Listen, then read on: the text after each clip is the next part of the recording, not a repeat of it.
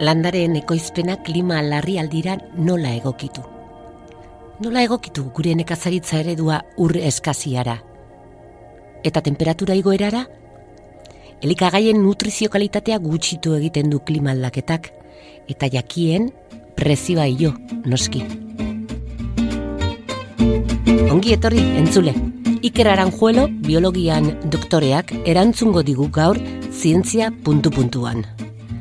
Bera, Nafarroako Agrobiotecnologia Institutoko ikertzailea da. Nekazaritza iraunkorra eta klima aldaketa zaileko arduraduna. Nafarroko Unibertsitate Publikoan biologiako praktikak zuzentzen ditu. Ongi etorri, Iker. Bai, kaso, egonon. Zientzia puntu puntuan. Nafarroako Unibertsitate Publikoaren divulgazio zientifikoko podcasta. Emaio zuiaten adimenari.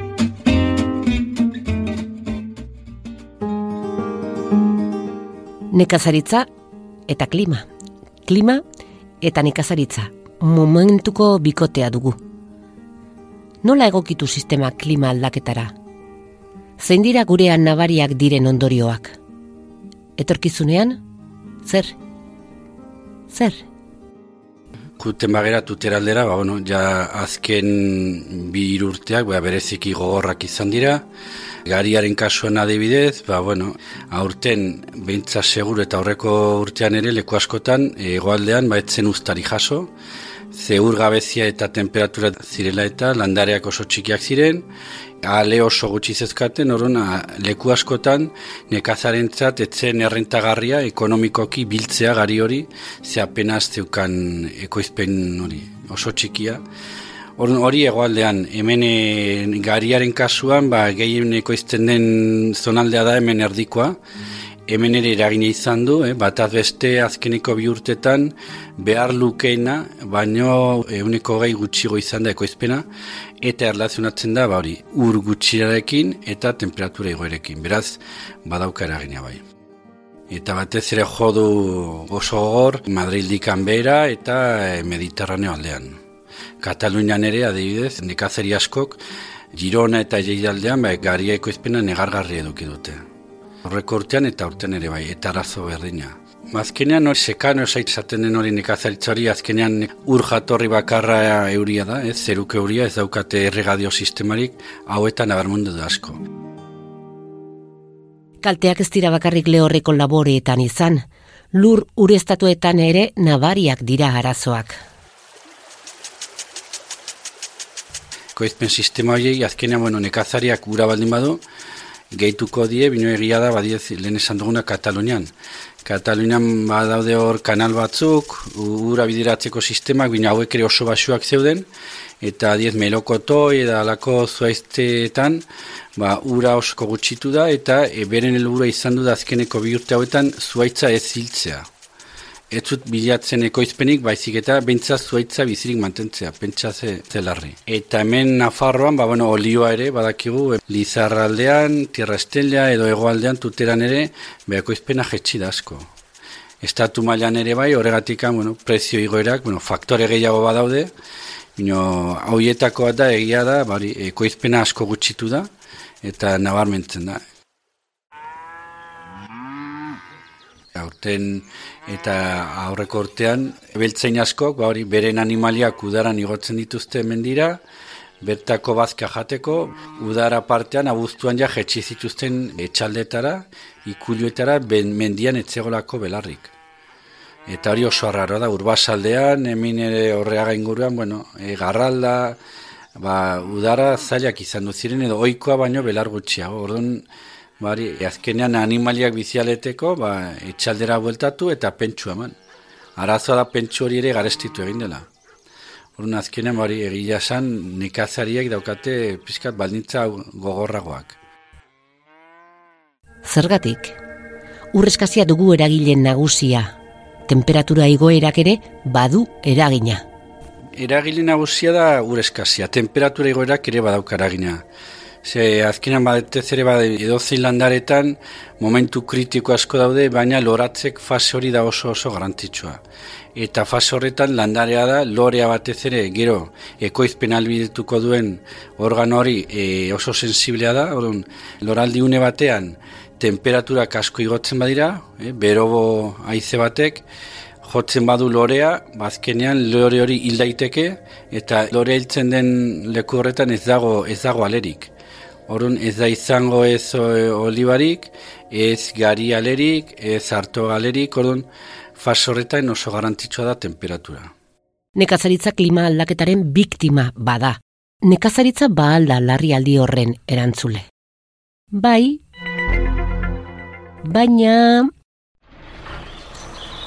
Ia da, duela urte gutxi bat arte, eta gaur egun ere nekazaritzen estensiboan batez ere erabiltzen dira ongarri kimiko batzuk. Ez? E, nitratoa, urea eta horrelakoak, merkeak zirelako, ze gaur egun hauek ere garestitu dira, eta albidetzen zioten nekazariari ekoizpen hon bat.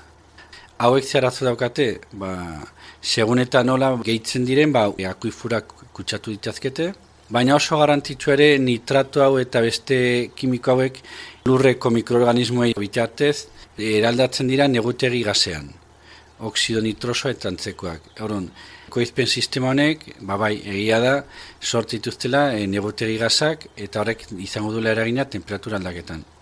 Nomen azalpen bat egin enuke ez, bere momentuan nekazariei eta beltzainei pixkat jarri zitzaien e, jopuntuan, eta egia da, bere ekoizpen sistemak negutegi gazak sortzen ditula. Bino ere, jakin behar dugu azkenean, negutegi gazen isurtzaile nagusia dela elektrizitatea. Bai, sortzeko ereduak eta erabilera. Zadiez, hemen estatuan gehien bat energia hori dator erregai fosiletik. Petroleoa eta gaz naturala.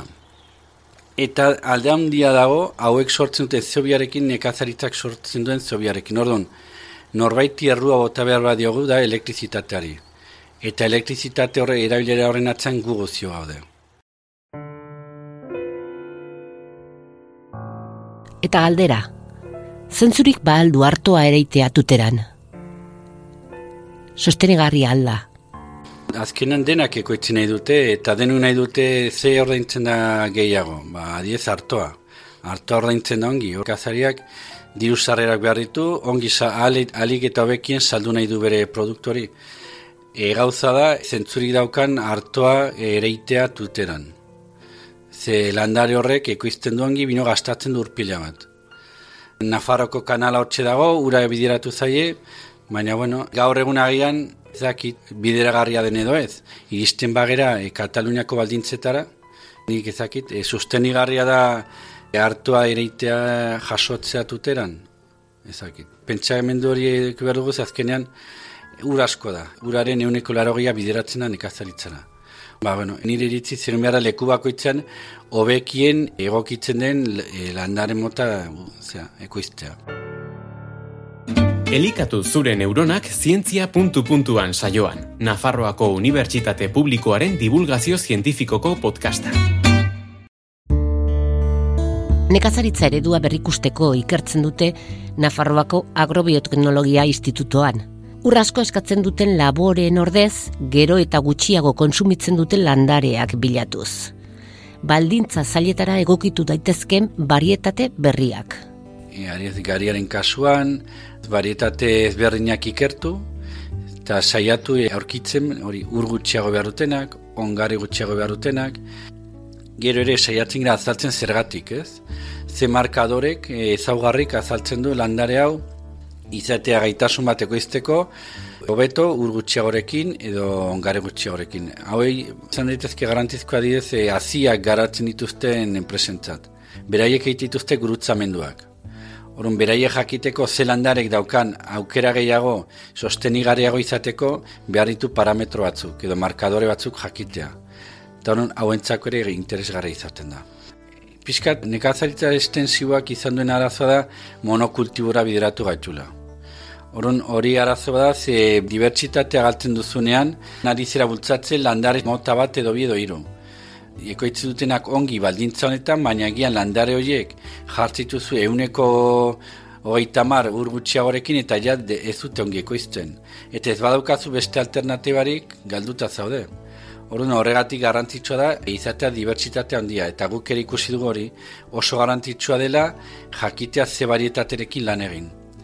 ze izan daiteke aldea ekoitzi ongi edo gaizki. Orain badaude ja nekazari asko rotazio sistema egiten dute, ez? Ba, urten jartzen du garia, urrengoan alfalfa, alderatu urte batean lurra pobretzen duten edo berezik ez duten aportatzen produzio sistema, garia edo horrelakoak, eta horrengoan jarri sistema bat elurra ongarritzen duena eta berazten duena.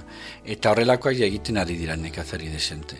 Eta gero ere saiatu ba hori, asko ere adira honetan ba ongarri organikoak erabiltzen. Eh? Kimikoak pixka talderatu eta organikoak erabiltzen. Babarrunak garbantzuak eta dilistak oso elikagaionak direla bagenekien. Ez genekiena da laborantza lurrak bizi berritzeko ezin hobeak direla zein da lekaleen sekretua? Bai, pizka dena testu inguru berdinen dago. Elburua da, landare hauek, e, daukate gaitasun bat, atmosferan dagoen nitrogen hori, ze azkenean atmosferan nitrogen asko daukagu, baina landare gutxi batzuk daukate gaitasuna nitrogeno aireko nitrogen hori hartu eta bere ganatzeko. Lekaleak dira adibide bat. Hau lortzen dute lurrean badaude bakteria batzuk, bueno, bakteria milioika daude, baina badaude batzuk zehazki, egiten dutena nitrogen hori hartu, atmosferako hori hartu eta e, asimilatu, bereganatu. Eta horren egiten dute erlazio simbiotiko bat. Landare eta bakteriaren artean. Orduan, landareak ematen izkio karbohidratoak bakteriari eta bakteriak ematen izkio aminoazidoak. Aminoazidoak dira hori nitrogen hori asimilatzeko forma bat. Eta gero, landareak erabiltzen dituna proteinak sortzeko. Orduan, kasu honetan hori, e, lortzen duguna da landare horrek, ez diogu ongarririk bota behar, zer berak berez atmosfera bitxartez lortzen du, eta gainera lurra berazten du. Eta horreti da oso interesgarria. Lehen esan dugun rotazio sistema horretan, aukera ezberdinak daude, bino garrantzitsunetakoa da hori lekaleak sartzea rotazio sistema horretan hori lurra natural aberasteko, urrengo urtean jartzen badugu hori ba, garia edo beste landararen bat, ba, hori ez duena nitrogen hori e, atmosferatik lortzen. Horna, lurra berazteko sistema oso da. Nekazaritza jasangarriagorako transizioa ezin da produkzio iraunkorrean bakarrik oinarritu. Konsumo arduratsuan ere bai. Prezio justu ardentzeko prestal gara. Zezentu dauka denborazkan poko frutua jatea. Hori bai dela netza luxu bat. Zen nahi duzu, beti urte marrubia jan, supermerkatura batera joaten garenean zez nehartzen dugu. Berogeita mar zentimo balio duena edo euro bat. Ogia berdin, berogeita mar zentimo balio duen barra bat edo bi euro. Azkenean dena diru kontua da. Nekazariak bidibizi behar du eta diru sarrerak behar ditu. Galtza da, zenbat ordaindu nahi dugu janariaren gatik. Gure aukeran dago, begiratzea guk erosten duen hori nongoa den. Bueno, egia da nekazaritzak emisio tasa batzuk dituela, bino alderatzen baditu guk sortzen ditugun isuriekin bat txikiak dira. Prezio justu ardentzeko prestal gara. Zientzia puntu puntuan entzun duzu. Nafarroako Unibertsitate Publikoaren podcasta. Gozatu zientziaz. Laguntzaileak Nafarroko Gobernua eta Zientziarako eta Teknologiarako Espainiako Fundazioa zientziaren eta berrikuntzaren ministerioa.